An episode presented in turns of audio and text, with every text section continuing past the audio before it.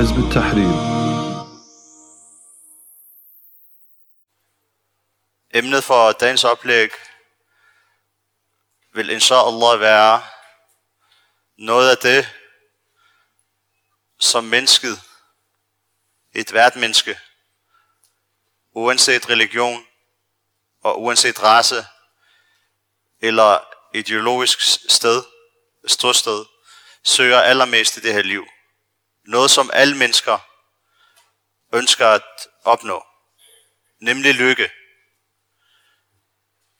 Et hvert menneske, som sagt, stor og lille, ung og gammel, søger i et eller andet omfang at være lykkelig.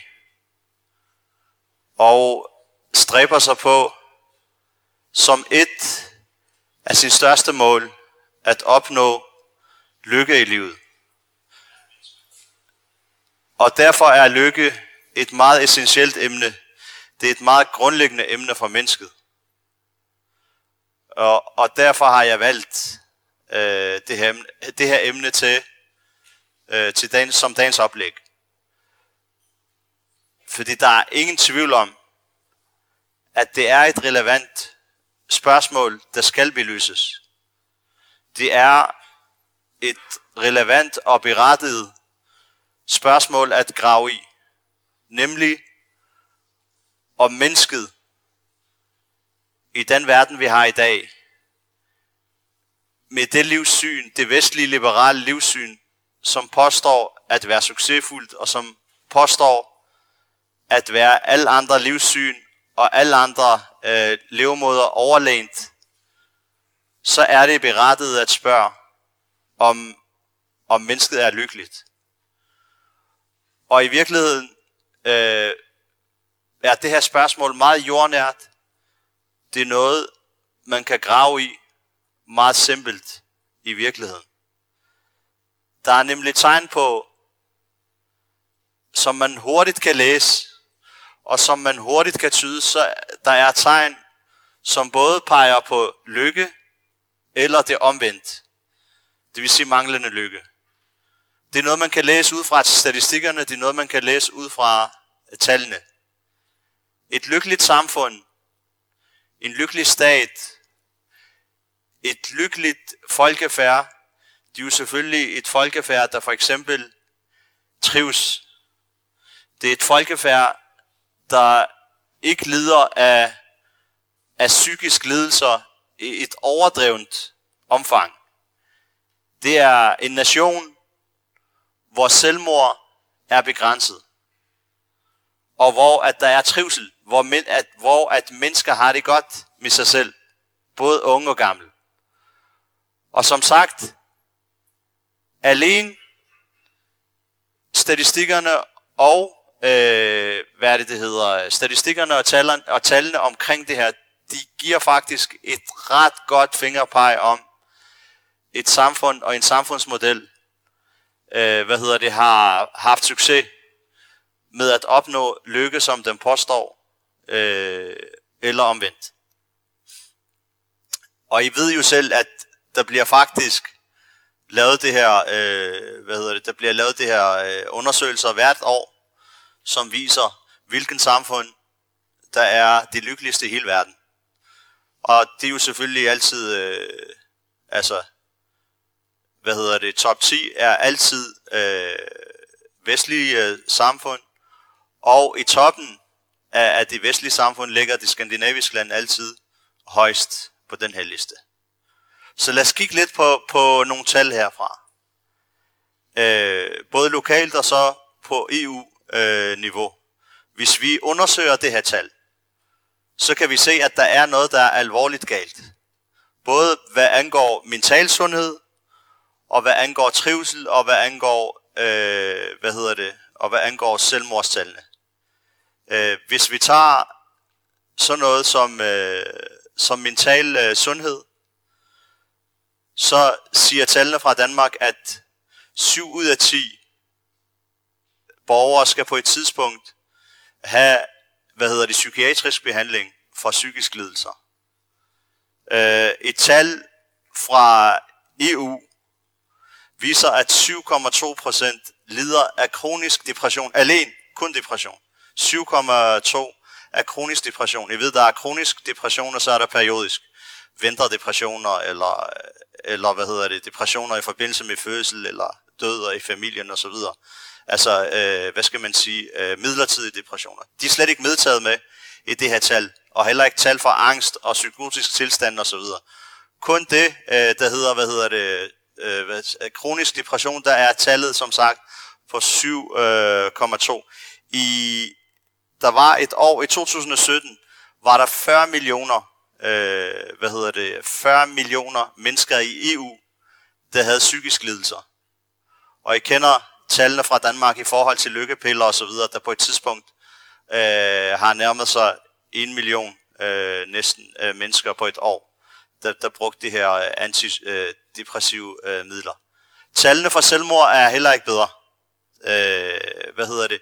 I Danmark er der, hvad skal man sige, der er cirka en 6.500 selvmordsforsøg om året.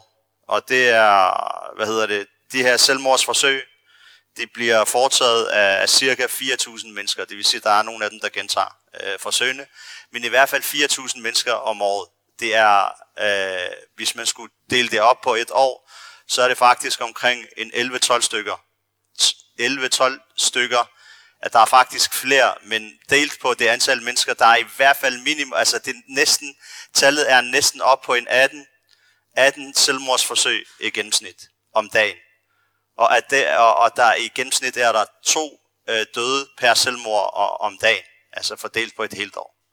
Så, så det er nogle voldsomme tal, vi taler om. Når vi snakker trivsel, det er det samme.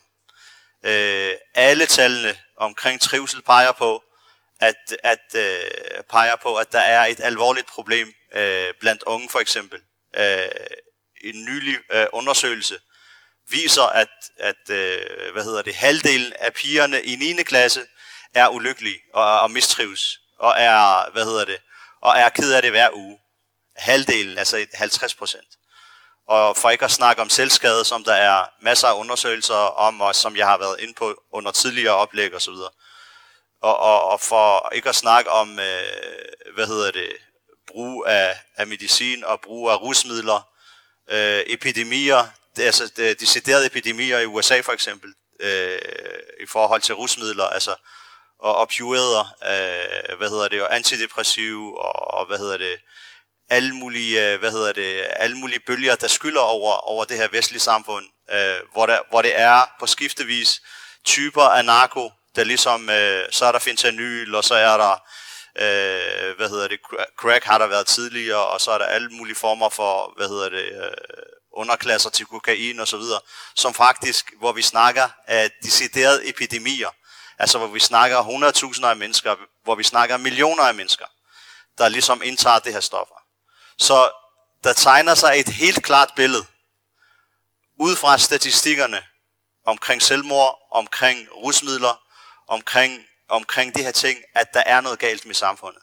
Der tegner sig et billede af, at det vestlige, den vestlige liberale samfundsmodel, som jo i første omgang blev grundlagt for at gøre mennesket lykkeligt, for at få mennesket ud af religions og kristendommens lænker og ind til frihedens og liberalismens øh, lys. Øh, det viser sig som sagt gennem de tal, der er, at, at den, har, den har fejlet øh, gevaldigt. Den har fejlet gevaldigt. Øh, og et af områderne, hvor den har fejlet, det er at gøre mennesket lykkeligt. Der er selvfølgelig andre områder. Også når vi tager sociale forhold, når vi tager familiebånd, øh, når vi tager familiestruktur, egoisme, ensomhed og alt det her ting, der, der, tager, øh, der er der også skræmmende tal. Så, så hvad, hvad skyldes? Hvad skyldes, hvad skyldes den fiasko, som, som man ser i den vestlige model? Hvad skyldes den, og hvad har islam at tilbyde, sådan rent ideologisk, i forhold til spørgsmålet om lykke?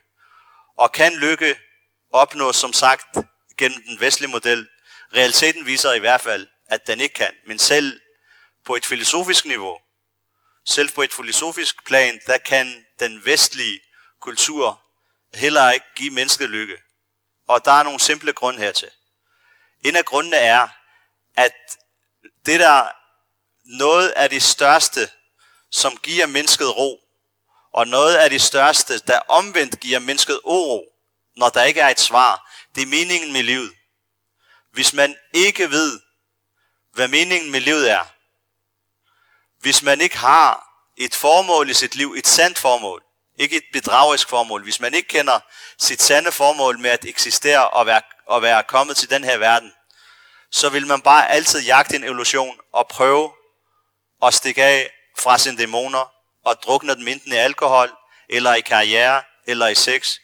Men spørgsmålene vil altid blive ved med at genere i, og spørgsmålene vil altid blive ved med at dukke op. Den der indre uro vil altid øh, øh, være der. Så det grundlæggende, den grundlæggende fejl i den vestlige kultur i forhold til spørgsmålet om lykke, det er, at den vestlige kultur ikke besvarer menneskets eksistentielle fundamentale spørgsmål. Hvad er meningen med mit liv? Hvad skal der ske, når jeg dør? Det, det har den vestlige kultur efterladt til individer selv at finde ud af. Og det vil sige, at mennesker, i den vestlige, mennesker, der lever under den vestlige kultur, lever per definition i et eksistentielt tomrum i forhold til at få besvaret det her spørgsmål. Det er faktisk efterladt til sig selv. Så kan, de følge, så kan de opfylde det med karriere, de kan opfylde det med at lave noget velgørenhedsarbejde, de kan opfylde det med at gå til yoga, eller, eller en eller anden form for ateistisk åndelighed, som I ved skylder over det vestlige samfund i øjeblikket. Alt det her med, øh, med hvad hedder det, øh, selvudvikling og yoga og, øh, hvad hedder det, være et med træerne og solen og alt det her. Altså en form for åndelighed, som i virkeligheden er artistisk, hvor der ikke er, hvor der ikke er en skaber, eller hvor der ikke er et forhold til noget uset andet end, at, at det hele det er inden for materialismen, men at materialismen har en åndelig side, som man så, og en energi, som kan gøre en lykkelig. Så, så den vestlige kultur, som sagt, besvarer ikke det her spørgsmål principielt. Den, den siger, at det er op til individerne at finde ud af, hvad deres formål med livet er. Den liberalismen, kapitalismen svarer ikke på det her spørgsmål. Og har per definition, som sagt, efterladt mennesker et eksistentielt øh, tomrum. Udover det, så, øh, hvad hedder det, på den anden side, eller som følge heraf, hvad arbejder, hvad arbejder liberalismen så som samfundsmodel og som livssyn med? Jo, det den arbejder med, det er at give materielle goder. Den definerer lykke som at opnå materielle goder. Det vil sige, at ideologien i liberalismen, staten i liberalismen, institutionerne i liberalismen, deres rolle er at give materielle øh, goder. Det er det, er det, der, det, det vil sige, det der man definerer som, som, hvad hedder det, som lykke, det er at opnå maksimal kropslig nydelse. Du ser derfor ikke en stat, øh, hvad hedder det, når den ligesom skal gøre, når den skal gøre status over det år, der er gået, så det, eneste, det eneste tal, der bliver fremlagt, det er i virkeligheden tal omkring, hvad hedder det, vækst, omkring BNP, og omkring arbejdsløshed, omkring, det er det her tal, der bliver, øh, der bliver, hvad hedder det, fremlagt.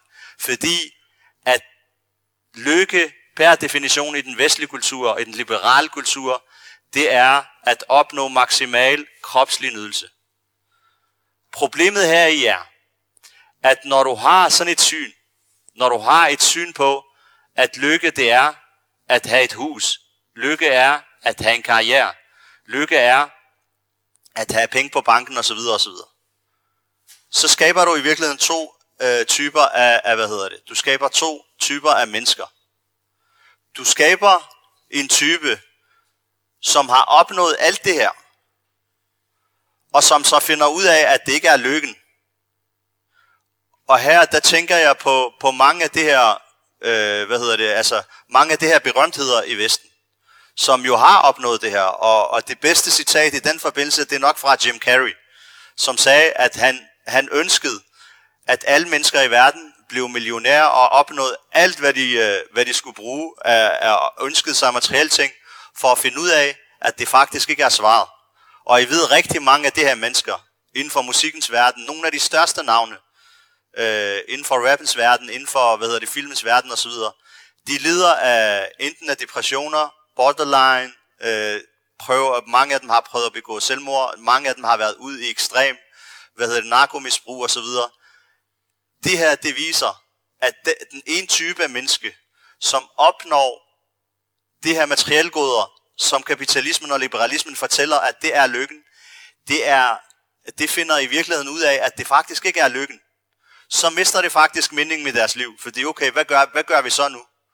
Hvis man har 100 millioner i banken, og man stadigvæk ikke er lykkelig, hvad skal man så jagte? Så det er den ene type af menneske i den liberale, øh, hvad hedder det, i den liberale samfundsmodel.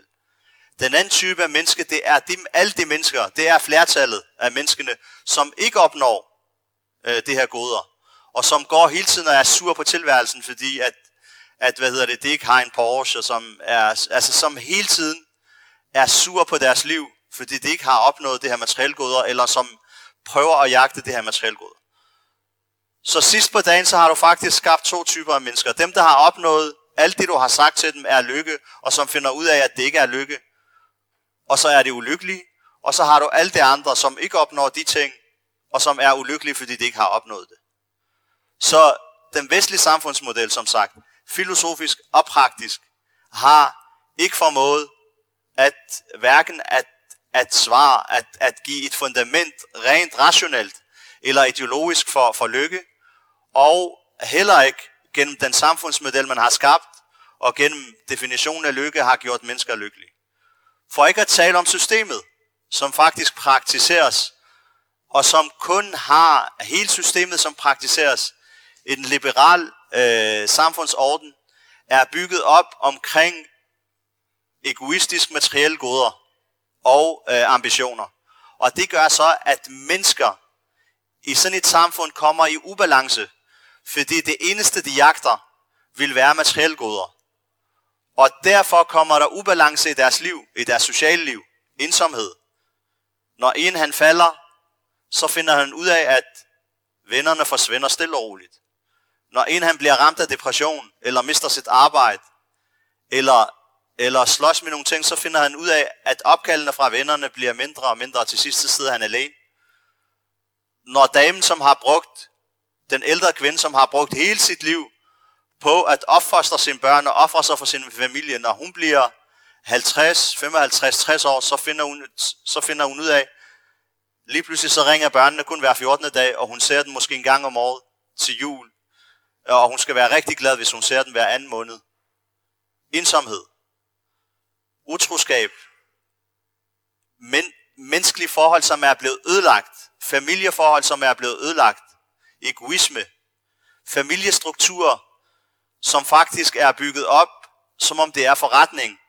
Halv-halv. Alt drejer sig om penge. I, I sådan et samfund kan mennesker umuligt være lykkelige. Så hvad, hvad har islam at tilbyde i virkeligheden, og hvad er lykke i det hele taget?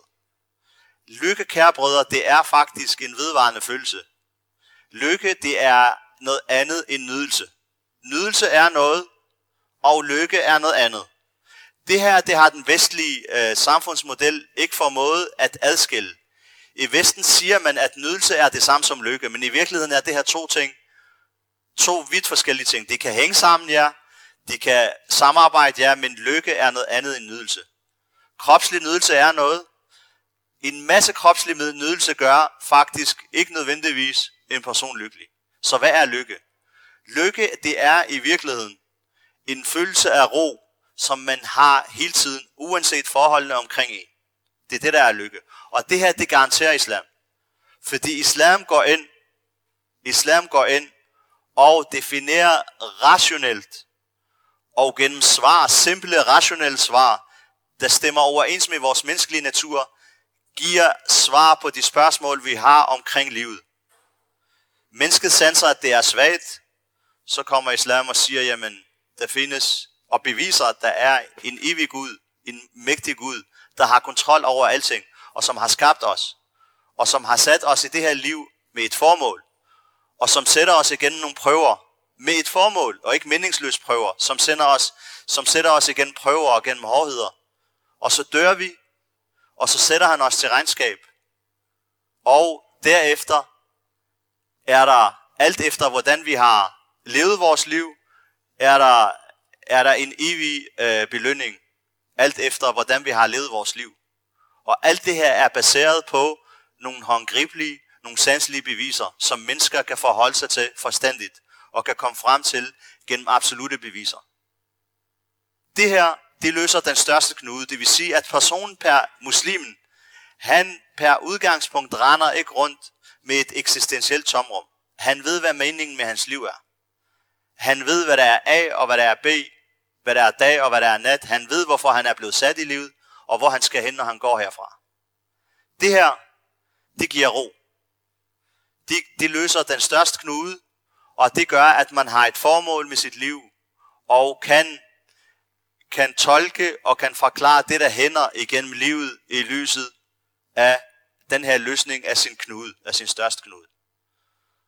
Og i den forbindelse også, så ligger der også det, der, jo mere du tilnærmer dig din skaber, som du kommer frem til i den her proces, jo mere selvtilfredshed opnår du. Og der er ikke en øvre grænse. Det vil sige, at man kan altid arbejde og stræbe sig efter at blive en bedre muslim. For at få et højere stadie i det evige liv. Man kan altid arbejde på og stræbe sig på at blive et bedre menneske. Der er ikke en øvre grænse, hvor man tænker, okay, nu har jeg opnået det hele. Nu er der, du kan altid blive ved. Du kan altid, dit mål i livet, du løber aldrig tør for at sige, nu har jeg ikke en funktion i livet mere. Selv hvis du ligger i din seng som 90-årig og ikke kan bevæge dig, der har du stadigvæk en funktion. Selvom du ikke kan stå op og lave salat, selvom du ikke kan gå ud og lave dager, selvom du ikke kan gå ud og lave en masse fysisk ting, så kan du ligge der på din seng og bare læse Koran ind i dit hoved.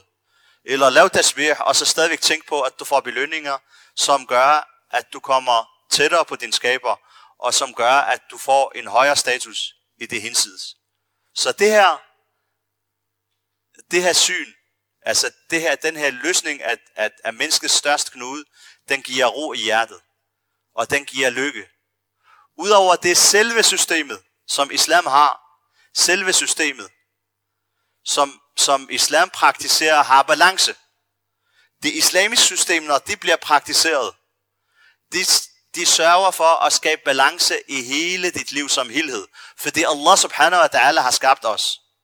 Og han ved, hvad det er for nogle behov, vi har. Han kender til vores natur, og derfor har han indrettet systemet sådan, så det giver os ro, og vi får al vores behov opfyldt, og der er balance i vores sociale forhold. Det er ikke Adam Smith, der har skrevet det system, der skal praktiseres over os. Sådan som man kun koncentrerer sig om at opnå, øh, hvad hedder det, karriere, og opnå materielle goder, fordi det er det, man har, det er det, man har fået forklaret er lykke. Og når man kaster et blik tilbage på sit liv efter 30 år, med karriere og så videre, så finder man ud af, at ens børn er blevet stofmisbrugere, og man har ikke set dem de sidste 15 år, fordi man har haft for travlt med sin karriere, og konen er skrevet, og man har ikke, man har ikke noget forhold til sine forældre. Total kaos, når mennesker lovgiver. Men islams, islams system, Allah subhanahu wa ta'ala sørger gennem det system, han har, han har øh, hvad hedder det, foreskrevet i Koran og Sunnah, og som skal praktiseres i Khilafah-staten. Han sørger for gennem det, der hedder wajib og haram, for at der er et minimum, sådan, så du får opfyldt alle dine behov. Uanset hvor meget du elsker penge, så har du stadigvæk en forpligtelse til at besøge dine forældre.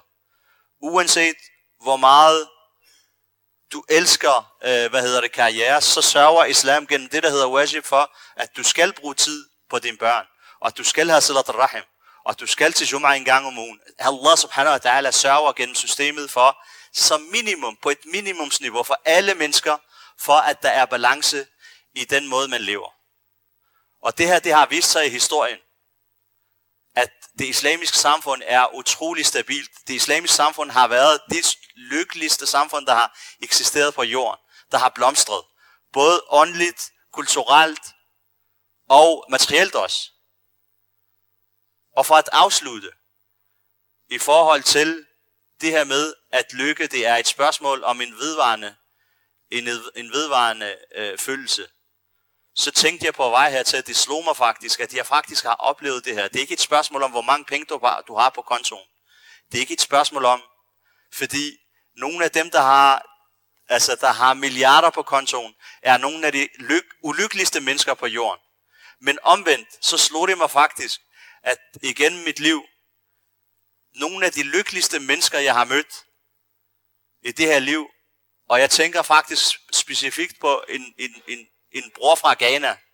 Nogle af de mest lykkelige mennesker, og de mennesker, der har haft den mest ro, den største ro i livet, det er faktisk nogle af de fattigste, jeg har kendt, rent materielt.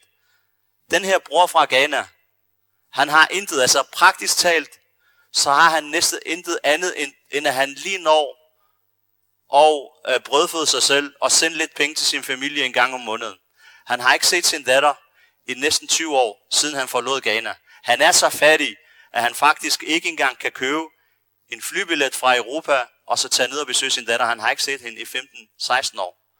Og subhanallah, når jeg møder den her mand, jeg, jeg har ikke set nogen mennesker, og det er konstant det hver gang, med et, større, med et større smil og en større ro end ham. Og jeg har aldrig hørt ham beklage sig. Jeg har aldrig hørt ham brokke sig over livet. Han er lykkelig. Og du kan se, at der er ro inde i ham, fordi han har fundet ud af, hvad, der, hvad livet drejer sig om. Han har fundet ud af, hvad fokuset skal være i livet, og han har fået løst sin knuder. Omvendt som sagt, så kan I efterprøve det her, og så tage for eksempel nordpå og se de mennesker, der har de største bankkontier, de mennesker, der har de største pauser, de børn, der måske får 150.000 i konfirmationsgave, når det er 13 år, og får en Porsche eller en Ferrari, når de øh, bliver studenter og får huen.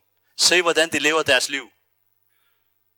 Fortæl mig om stofmisbrug og tilfældig sex og opløst familieforhold og ulykkelighed. Nogle af de mennesker, som har, som sagt, de største materielle forudsætninger, er nogle af de ulykkeligste mennesker på den her jord. Og omvendt, nogle af de mennesker, som er lykkeligste her på jorden, det er faktisk dem, der har taget islams løsning til sig, der har taget islams øh, livssyn til sig, og som, øh, hvad hedder det, har, har set lyset i det her liv. Et lys, som inshallah i fremtiden, med, alle, med sit svar på livets store, store spørgsmål, med sine systemer, som stemmer af overens med menneskets natur, et lys, som inshallah, når det engang kommer til magten i Khilafah-staten, vil gøre muslimer og ikke-muslimer lykkelige og stabile i det her liv.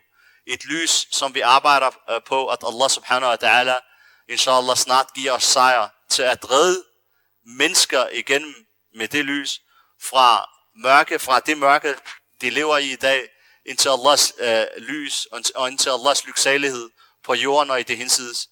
Og med det ord afslutter jeg, inshallah, og giver ordet videre, inshallah, til jer, til jeres, til jeres kommentar og spørgsmål. Barakallahu fikum. Assalamu alaikum wa rahmatullahi wa barakatuh. Wa alaikum salam wa rahmatullah. Jazakallahu khairan for oplægget. Hvad gør vi herfra som dagarbærer? Fordi meget af det her, vi snakker om, det er indgroet i mennesker, og det er meget, meget dybt. Hvad, kan du gentage det, bror? Øh, meget af det her egoisme og sådan nogle her ting, som de, de faktisk lider med, det er indgroet i dem. Ja. Hvad gør vi herfra som dagarbærer? Øh, det bedste, du kan gøre, det er selvfølgelig at være et godt eksempel.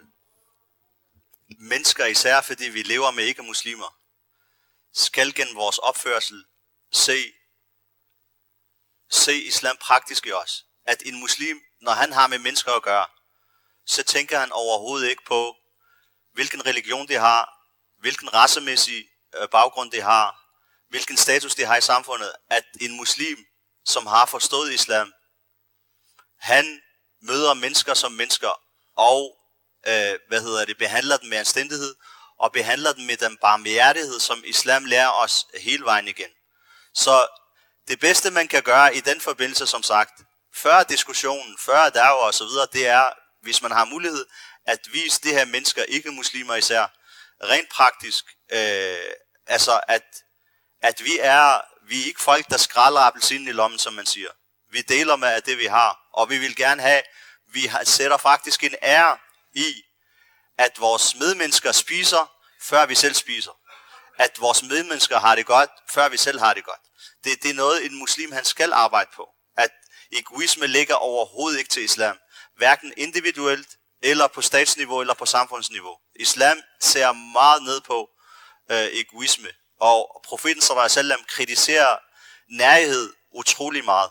Så vi skal vise islams varme, vi skal vise islams empati, og vi skal selvfølgelig, så det her, det vækker, det vækker i virkeligheden nysgerrighed mange gange hos, hos vores, øh, hvad hedder det, øh, ikke-muslimske medmennesker, og de spørger, hvor, hvor det her kommer fra, så, fordi det er fascinerende, øh, fordi som du siger, det er, det er meget, det er meget øh, indgroet, især i de store byer. Jeg tænker, når man stadigvæk kommer på landet og så videre, også her i Danmark, så er der en anden tilgang til tingene, lidt mere barmhjertig og så videre, men i de store byer, der er altså, du bliver savet over, der er ikke nogen, der tænker på dig. Ikke? Meget, der er meget, den her egoisme, den er indgroet og systematiseret også.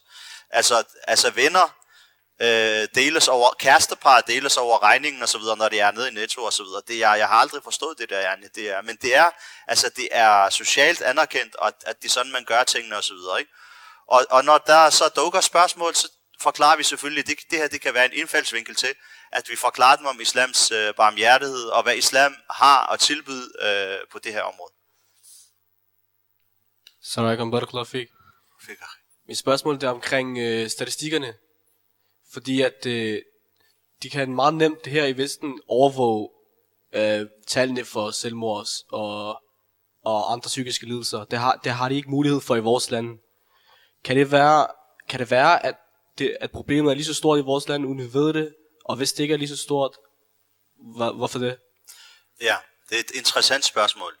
I virkeligheden, så er det ikke, øh, det er overhovedet ikke noget, der skaber et dilemma, eller svækker standpunktet omkring, at der er et, et problem, øh, et dybt problem, i forhold til, øh, hvorvidt den vestlige samfundsmodel, liberal kapitalistisk samfundsmodel, har formået at skabe lykke for sin borger. Fordi samfundene i den islamiske verden heller ikke er islamisk. Samfundene i den islamiske verden, og lad os sige det meget tydeligt, er overhovedet ikke islamisk. De samfund og de stater, der er i den islamiske verden, det er stater, det er samfund, der er blevet frarøvet alle deres ressourcer af Vesten. Det er, alle ressourcerne er væk gennem vestlige selskaber, gennem vestlige øh, multinationale øh, hvad hedder det, virksomheder, gennem de er lande, som er dybt forgældet øh, af, af de vestlige, hvad hedder det, internationale øh, finansielle institutioner, øh, IMF og Verdensbanken. Og så det her, det skaber arbejdsløshed, det skaber en altså, krav om, at offentlig sektor skal øh, skæres ned og så videre. Det vil sige totalt fuldstændig kummerlige forhold som, er, som har en direkte forbindelse til den samfundsmodel, man har skabt af Vesten, og hvor det er USA og EU, som lukrerer på de ressourcer, og den rigdom, der er i den islamiske verden, om det er i Mellemøsten, olien i Mellemøsten, om det er diamanterne i, i Afrika, om det er uran i Vestafrika, om det er gassen i Centralasien, så bliver alle de her øh, ressourcer mere eller mindre, mindre gravet op og fragtet til Vesten. Og den fattigdom, der så opstår, fordi ressourcerne er væk, der kommer Verdensbanken og IMF og giver lån og blander sig i, hvordan statsstrukturen skal være, øh, med hvad det har af følger øh, af arbejdsløshed, fattigdom, ulykkelighed osv. Og regenter, som er blevet sat i magten af Vesten, de regenter, der er, deres bankkonti er i Schweiz og i London. Deres privatfly holder i Paris og andre steder. Og alle deres heste, som de satser på, de er i Vesten. Er de kun sat i magten for at beskytte Vestens interesser. Og den dag, at folket bevæger sig lidt, jamen så tager det et privatfly, hvis de kan nå det, og, og flyver til Vesten. Så det er den samfundsmodel, der er i den islamiske verden. Og islam er ikke praktiseret. Det her, det skaber selvfølgelig dyb ulykke, og med hvad det har øh, til følge. Alligevel kan vi konstatere, at mennesker i den islamiske verden er meget mere hårdføre end, end, end mennesker i Vesten. Hvis, hvis Vesterlænding levede under det forhold, som muslimer må, må face hver dag, i forhold til usikkerhed omkring deres børn, usikkerhed om deres arbejdssituation, usikkerhed omkring deres dagligdags øh, sysler, husleje osv., så vil der komme øh, epidemier af, af, hvad hedder det, af psykisk nedbrud, øh, nervesambrud i Vesten. Alligevel folk i den islamiske verden øh, formår med den rest af islam, de har individuelt, at, at, øh, hvad hedder det, at stå imod alt det her, gå på arbejde fra dag til dag og prøve at få en nogenlunde anstændig øh, hvad hedder det, tilværelse til deres børn på nogle vilkår, som er meget kummerlige. Men som sagt, samfundene, det er en beskrivelse af samfundene i den islamiske verden, og det vil så ikke være overraskende, at der også her er selvmord og er psykisk lidelse osv. Og, øh, hvad hedder det, og, og hele vores arbejde i virkeligheden, Hezbollah Tahrirs arbejde, er jo i første omgang at ændre det her samfund fra den tilstand, uislamisk tilstand, det er i, til øh, tilstanden, hvor at vi øh, hvad hedder det, etablerer khilafa, og igen kan leve efter den islamiske øh, løsningsmodel. Der kan det være færre, og der kan det være relevant at lave nogle sammenligninger. Først der, når khilafa er, er etableret, og når islam bliver praktiseret, så kan vi så hive øh, tallene frem og sammenligne i forhold til øh, tallene i Vesten, og så sige, og så lave et, så, fordi så har vi et, et, øh, hvad hedder det, et sammenligningsgrundlag, som vi overhovedet ikke har i dag. Jeg håber, at svaret inshallah er, er, er nok. Salam alaikum. Salam Barakallah fik for uh, dit oplæg. Uh, jeg vil gerne lige kommentere det spørgsmål, der blev stillet før omkring uh, vores rolle som dagarbærer i det her emne her. Uh, og i virkeligheden som muslimer, der lever i det her samfund.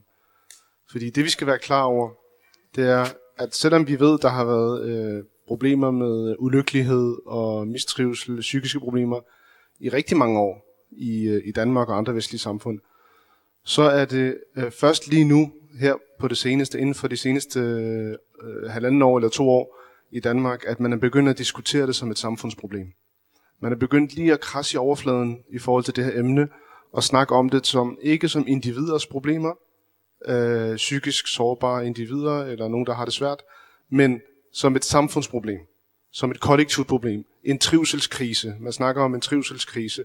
Og til den grad, at politikerne bliver nødt til at forholde sig til det, bliver nødt til at komme med, øh, hvad hedder det, øh, lovpakker og tiltag og afsætte penge til, mere, flere penge til psykiatrien osv. Så, videre. så det er et samfundsproblem, har man erkendt, og det er en, og det er en diskussion, der er øh, hvad hedder det, på allerhøjeste niveau i samfundet og generelt i samfundet fordi det er noget, alle øh, et eller andet sted kan mærke. I alle familier er der nogen, der øh, er ramt af psykisk sygdom osv.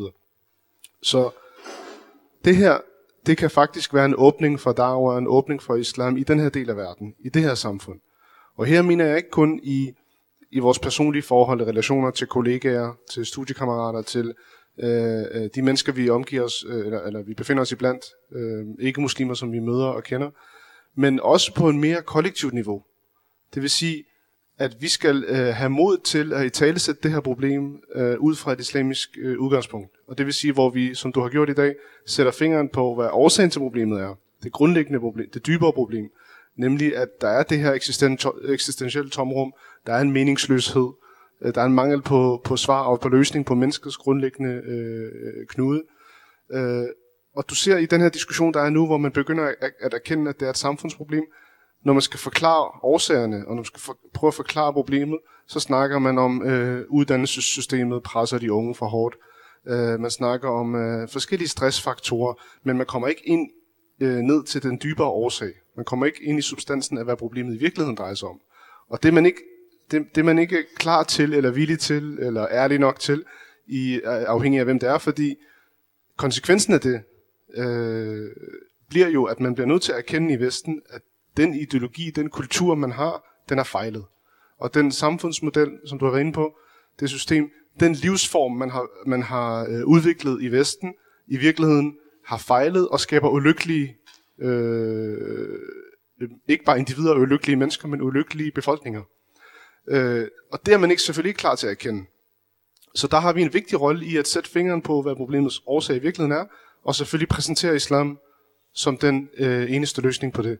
Fordi de her mennesker, vi lever iblandt, de har brug for islam. De har brug for retledning. Og det er, den, det, er det syn, vi skal have på det her problem. At, at mennesker har brug for islam og brug for retledning, om de er klar over det, om de vil, kan, kan erkende det eller ej. Så det er, den, det er det, vi skal betragte som en åbning for islams dager, for Allahs retledning, for Allahs redning til mennesker, som vi skal bære til dem. Øh, både som individer, men også gennem kollektive initiativer. Nu taler vi om det her i dag, Men man kan også forestille sig initiativer, kollektive initiativer, som tages af muslimer, for at i talsætte det her emne i offentligheden, og hvad hedder det, og præsentere islam som, øh, som løsning på det. Og der fik. Barakallahu fik for dit oplæg. Øh, jeg har lidt forskelligt i forhold til det, der er blevet øh, både spurgt og kommenteret på. Og det ene det er det her i forhold til statistikker i den muslimske verden. Og der faldt jeg bare over noget her forleden, som var lidt øh, symptomatisk for generelt, hvis man kigger på fagfolk og deres øh, tilgang til den problematik, henholdsvis i Vesten og andre steder i verden, hvor forholdene er anderledes hvor du havde en, øh, en, øh, en psykolog, som havde været udstationeret, og jeg har glemt, hvilket land det var, men det var ikke et muslimsk land, men det var også et land, hvor der havde været kaos og ustabilitet osv., hvor han sagde, at du mødte folk, der havde PTSD, du mødte også folk, der var autister, og, altså var skizofrene og ligesom nogle af de her kroniske lidelser, men du fandt ikke folk med, de, med depression, og du fandt ikke folk med angst.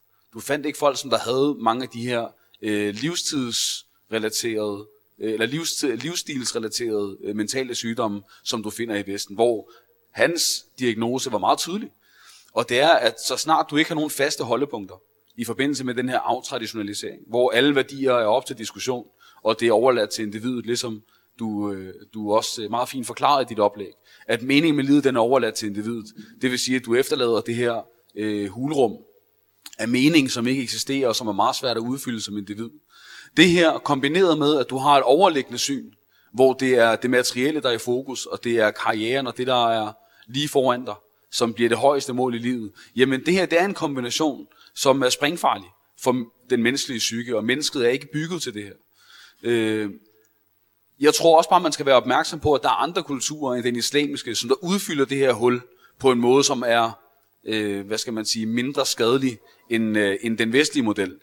Så mens jeg er totalt enig med den forrige kommentar, der lige har været med, at nu er det mere anerkendt som værende et samfundsproblem, og ikke bare svage individer, som ikke kunne klare mosten eller karriereræset osv. Altså især corona har været med til at accentuere øh, noget af det fokus, der har været blandt andet på ensomhed og det her, som, som du talte om. Men jeg tror også bare, at man skal være meget hurtig til at vende løsning over på, at det her det er noget, vi finder igennem argumenterne for islam. Argumenterne for eksistensen af Allah subhanahu wa ta'ala og at Quran er sand og så videre, så man ikke bare overlader det til, at diagnosen, den kan vi godt blive enige om, men løsningen, der, der, der halter det så bagefter. Øh, også fordi, at vi har muslimer i dag, som bliver påvirket af det her. Og vi ser også muslimer i større omfang blive ramt af depressioner og gå ned med stress og så videre, på en måde, som vi ikke har set før. Og blive ramt og påvirket af individualismen på en måde, som vi ikke har set før. Og en af de mest tydelige øh, pejlemærker for det her, det er, at der er opbrud i den, familie, i den muslimske familie lige nu. Du har flere og flere skilsmisser, du har flere muslimske ældre, der bliver sendt på muslimske, eller ikke på muslimske, men bliver sendt på plejehjem og bliver overladt til sig selv. Du har flere parforhold, hvor at der er større fokus på, at mor og far har et 8-4 job, end at øh, mor er derhjemme og sørger for, at der er mad på bordet, når børnene kommer hjem, og der er styr på lektierne osv. Netop fordi, at vi bliver farvet af de samme ting, som vores omgivelser gør. Og det betyder, at det kan godt være, at der er, der er et slack, altså der er et lille delay i forhold til, hvor, hvor meget og i hvor stort et omfang vi bliver ramt af, af den her ulykkelighed i virkeligheden. Men det, det vil være en naturlig udvikling blandt muslimerne, hvis ikke du har dagerbærer, hvis ikke du har folk, som er bevidste i blandt muslimerne, som jo netop er det, dit oplæg ligger op til, og som lægger af ansvar på vores skuldre i dag, det er, at når vi får øjnene op for det her, så skal vi være med til at præge det muslimske fællesskab i forhold til at beskytte dem imod den her øh, ulykkelighed, som der venter dem, hvis det er, at de ikke giver slip på den vestlige kultur, som på mange måder har infiltreret deres sind, og har været med til at dirigere de, øh, de, øh, de handlinger og den adfærd, som, øh, som de foretager sig. Så jeg mener, vores ansvar er tofoldigt. På den ene side, så har du en ikke-muslimsk befolkning, som i den grad øh, drukner i kriser, både øh, hvad skal man sige, materielle, men også mentale. Men du har også muslimerne, som er i overhængende fare for at omfavne nogle af de, øh, nogle af de tendenser, og nogle af, af de målstokke, som har ledt Vesten til de øh, kriser, som de er i nu. Og der skal vi være opmærksomme i forhold til det ansvar, vi har. Barakallah øh, hvad hedder det, der er ingen tvivl om, at øh, det, der er kendetegnende ved den vestlige kultur, det er, at det, det er, det er en kultur, der det er en kultur, der er skabt til, når man øh, rider på bølgen. Forstå på den måde, at Det, det er en kultur, der øh, har helt sit fokus på økonomi og økonomisk fremdrift, altså på samfundsniveau, og økonomisk succes og selvrealisering, karrieremæssigt og materielt osv., som individer på, på individuelt øh, plan. Det, det her, den øh, gør sig bedst. Øh, hvis I husker nogle af de der gamle film, man ser fra USA og så videre, før krakket i, i 29 og så videre, altså der viser USA's øh, opgangstid og, og tiden i Danmark i 50'erne og 60'erne med industrialisering og så videre. Det, det viser, hvad skal man sige, det fremhæver det her med, at, at helt, altså, at alle er lykkelige, og alle har fået en støvsuger og en lille bil, eller hvad de har fået, en, et hus med en carport og alt det her. Det det, det, der er, hvad skal man sige, når man fremhæver succes, så er det det. Problemet er, at livet er, livet er jo ikke bare sådan der. I virkeligheden, det her i sig selv, det er utroligt øh, tomt og meningsløst, hvis man opbygger hele tilværelsen omkring en, en carport eller en, øh, et hus. Men, men, men, men udover det, øh, så, så svarer ideologien heller ikke på, hvad, hvad du gør, når du, så, når du en dag ikke har det her ting. Når du en dag bliver arbejdsløs. Når du en dag mister dit arbejde, eller der kommer, øh, hvad hedder det, eller der kommer, øh, hvad hedder det, et økonomisk krak, eller du, du bliver ramt af en konkurs i din virksomhed, eller hvad det kan være, som, øh, som hvad hedder det, som rammer dig.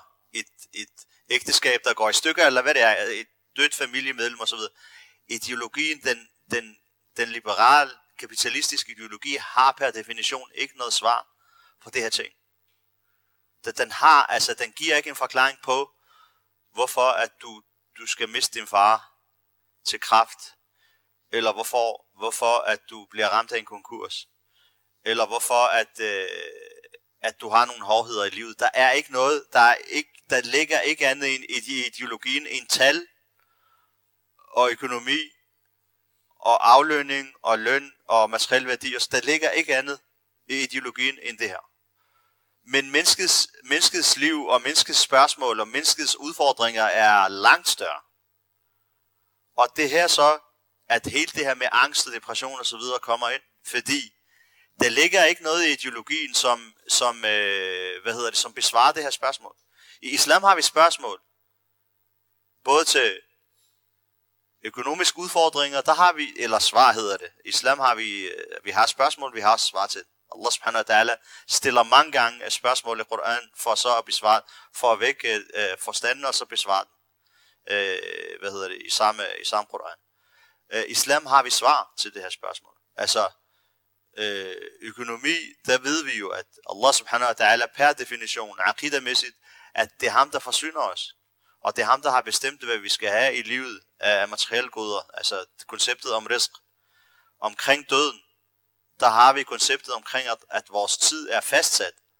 Og at vi lever fra, fra dato A og klokkeslæt A til øh, og slutter øh, på klokslet B som er fuldstændig bestemt af Allah subhanahu wa ta'ala, som vi ikke har nogen indflydelse på. Det her, det giver, altså selvfølgelig er der et chok i forbindelse med at miste et familiemedlem og så videre, men det giver et svar.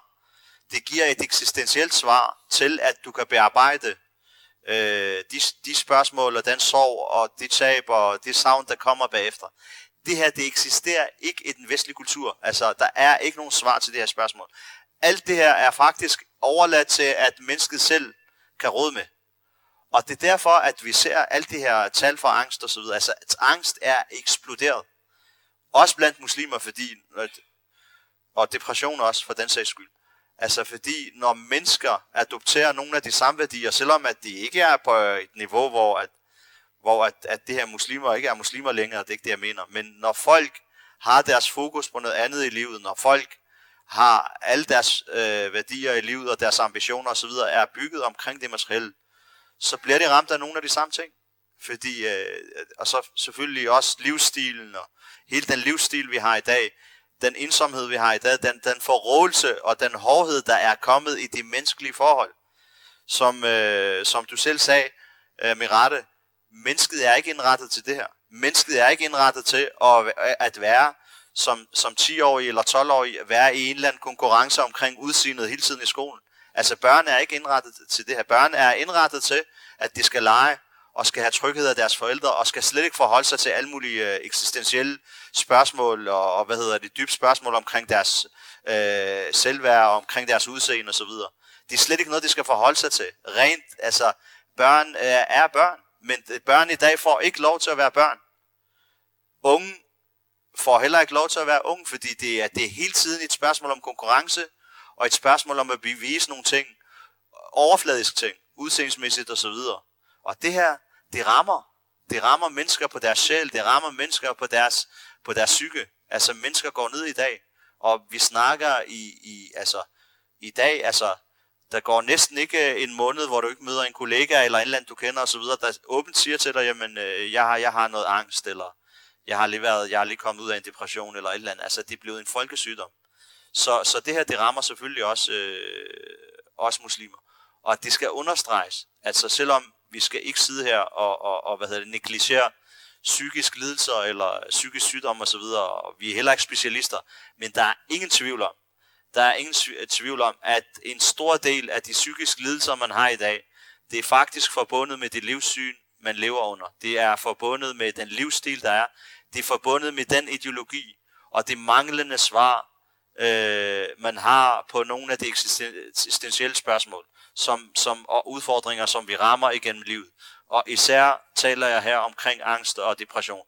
En rigtig stor del af det her to sygdomme, det hænger, det hænger unægteligt sammen med, øh, hvad hedder det, den liberale øh, materialistiske kultur, som efterlader mennesket øh, til tomrum og til meningsløshed i alt andet end, end øh, hvad skal man sige, det materielle aspekt. Jeg så, der var en bror, der ville, øh, ja. Baraklov Øh, Jeg har lige en kommentar til øh, spørgsmålet omkring, øh, hvordan statistikkerne ser ud i den øh, muslimske del af verden. Øh, jeg mener slet ikke, at, øh, øh, at diskussionen skal tages derhen. Fordi muslimerne mener på ingen måde, at de vilkår, øh, der er i den muslimske del af verden, det er en kultur, der findes, og de systemer, der er implementeret, de repræsenterer på ingen måde den islamiske ideologi eller den islamiske kultur.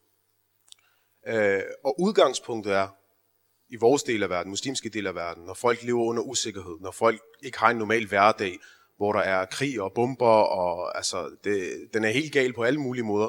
Udgangspunktet er, at der skal være en hel del psykiske sygdomme. At folk slet ikke kan, kan have et normalt liv. Det er udgangspunktet i de lande, vi ser, øh, det man kalder tredje verdens lande, muslimske del af verden, det afrikanske kontinent osv. Vi mener på ingen måde, at den del af verden repræsenterer islam og det sande, korrekte liv, øh, menneskeheden bør leve under. Men det gør den vestlige verden derimod. I USA, Frankrig, England, Tyskland, Norden. Det er den her del af verden, der siger, at vi har de korrekte systemer, vi har den rigtige kultur, vi har den rigtige, sande, civiliserede levemåde, som alle andre mennesker bør leve efter. Og det er især i den her del af verden, man ser stofmisbrug, man ser angst, man ser alle de her ting, du kommer ind på. Det er den her del af verden, som, siger, som skal være bannerfører for den resterende del af verden, hvor man ser, de her kriser eksisterer. Så diskussionen er ikke, er der eller er der ikke, er der mere i den, øh, en fattige del af verden, eller mere i den vestlige del. Udgangspunktet er, at det burde slet ikke at finde som et fænomen i den del af verden, hvor I siger, at vi har den rigtige kultur. Altså, vi snakker omkring, kvinder vil ikke engang fået børn. Noget, der er så naturligt, for mennesket at stifte en familie, at kvinder skal føde børn, det kan de ikke engang klare. Altså man snakker om, at fødselsrettene falder og falder, og man kan ikke engang etablere et normalt familieliv. Man snakker om, at der er usikkerhed i hovedstederne. Man snakker om, at befolkningen er bekymret for den økonomiske usikkerhed.